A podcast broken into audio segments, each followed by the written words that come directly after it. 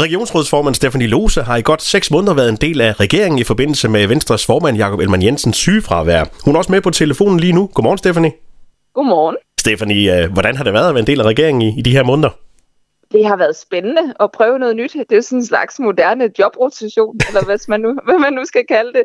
Øhm, og jeg har jo taget nogle øh, insights med på, hvordan fungerer sådan et regeringsarbejde egentlig, sådan helt ned i detaljen, og øh, prøvet at suge til mig. Øh, men jeg er også rigtig glad for at være tilbage i Region Syddanmark igen nu. Stefanie, hvad har sådan overrasket dig mest ved at være minister og være i regering?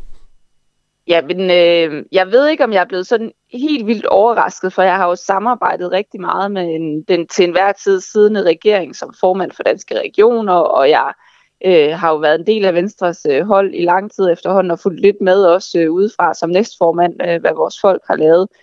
Men det er klart, at jeg er blevet bekræftet i, at det er nogle meget forskellige verdener, hvor vi måske ikke altid ved nok om hinanden.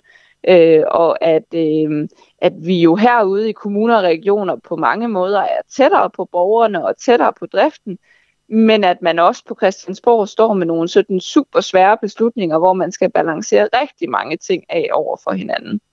Og så, øh, så går tingene bare rigtig hurtigt i processerne nogle gange. Jeg tror, hvis jeg introducerede mit regionsråd til de processer, der er i sådan en regering, så ved jeg ikke, om jeg vil overleve. Så tror jeg, der vil udbryde mytteri eller et eller andet i regionsrådet. Det er, det er nogle lidt skøre processer nogle gange, det må jeg også indrømme. Der er nogle flere ting, der skal tages hensyn til, når man er i regering. Ja, det er der. Altså på mange måder for mig i hverdagen er det jo i virkeligheden et privilegie at kunne bruge så utrolig meget tid på sundhedsvæsenet, som jeg gør.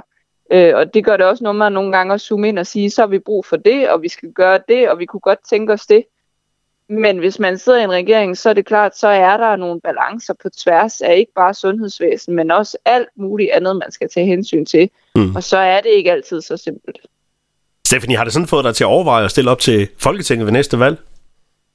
Nej, det har det ikke. Øh, jeg har jo hele tiden sagt, at det her det var midlertidigt, og at jeg glædede mig til at komme tilbage. Og det er lidt som at køre på cykel. Nu har jeg jo været regionsrådsformand i otte år, og det er, øh, det er dejligt at komme tilbage, og det er også øh, dejligt velkendt, de ting, som, som jeg er vendt tilbage til. Og nu er du vendt tilbage og har været i arbejdstøjet sådan i, i, i godt to uger. Hvad har du egentlig sådan savnet mest ved at være tilbage i regionsrådet? Jamen, jeg har savnet rigtig meget. Altså, på den private front, så har jeg savnet at være hjemme i Region Syddanmark og have en dagligdag, som er tættere på min familie i Esbjerg, ikke være væk og være i København fra mandag til fredag plus til løs. Øh, på, øh, på, på den politiske side, så har jeg savnet mine kollegaer i regionsrådet, både dem, jeg er enig med og dem, jeg er uenig med, fordi vi har faktisk et rigtig godt samarbejde på tværs øh, om at løse øh, de problemer, vi står med, og de udfordringer, vi står med i regionen. Og så har jeg jo savnet sundhedsvæsenet og være tættere på det, end man kan være, når man sidder i et økonomiministerium. Så, så det er nok det, der er sådan, er på hitlisten over ting, jeg har, har savnet mest. Og, og Stefanie, noget af det, der sådan kommer til at ske i nærmeste fremtid, det er jo det her klimafolkemøde i, i Middelfart.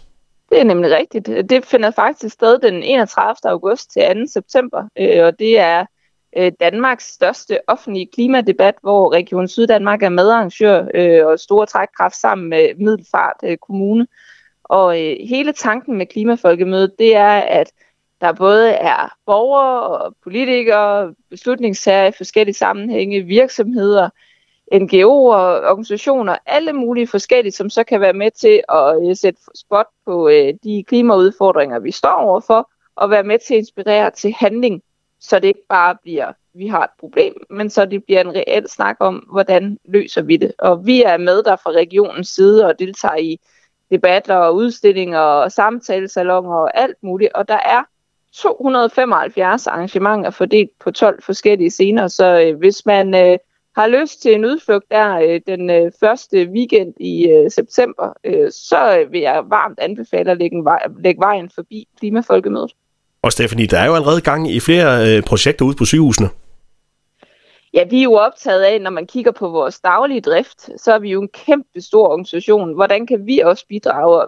Bare for at give nogle konkrete eksempler, så er vi i gang med at sige øh, farvel til, øh, til rigtig mange engangsprodukter i forbindelse med operationer.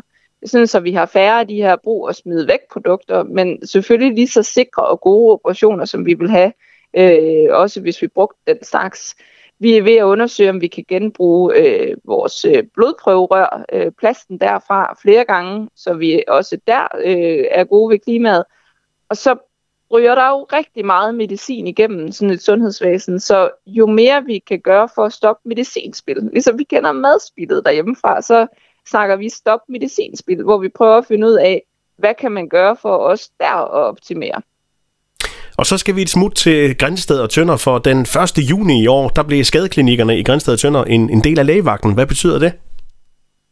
Det betyder helt konkret, at man nu kan blive tilset i skadeklinikkerne som en del af lægevagten fra 16 til 22 i hverdagen og fra 8 til 22 i weekender og helligdage. Øh, det dem, der bor i områderne Grænsted og Tønder, vil jo vide, at det er væsentligt øh, øh, længere åbningstid for øh, lægevagten i de områder, end det har været tidligere, hvor den kun lige havde åbent en gang eller to om dagen, når der var øh, sådan en tidsboks, øh, der var åben. Øh, den nye organisering betyder, at konsultationerne vil være øh, specialuddannede sygeplejersker, der står for dem, og så vil de så kunne trække lægerne ind på telefon eller video øh, fra lægevagten. Og så finder man ud af, når man ringer, øh, om det er relevant, at man bliver set der i skadeklinikken. Og det tror jeg faktisk, at der vil være rigtig, rigtig mange, som både vil kunne nøjes med, eller som vil have mulighed for. Og så tror jeg faktisk også, at, øh, at folk vil opleve, at det bliver en, øh, en bedre service, fordi at de kan komme der længere tid.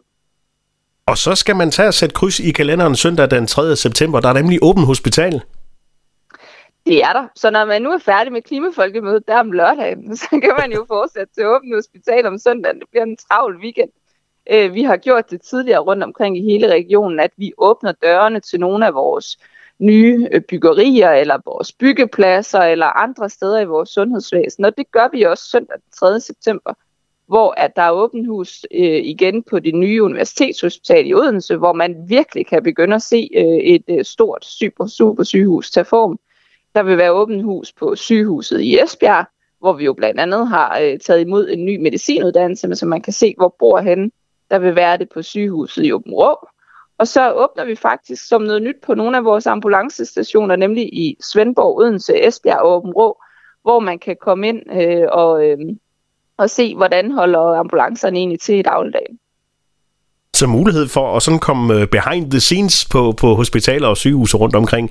Stefanie Lose, regionsrådsformand i, i Region Syddanmark. Tak for snakken og god arbejdsløst. Tak skal du have.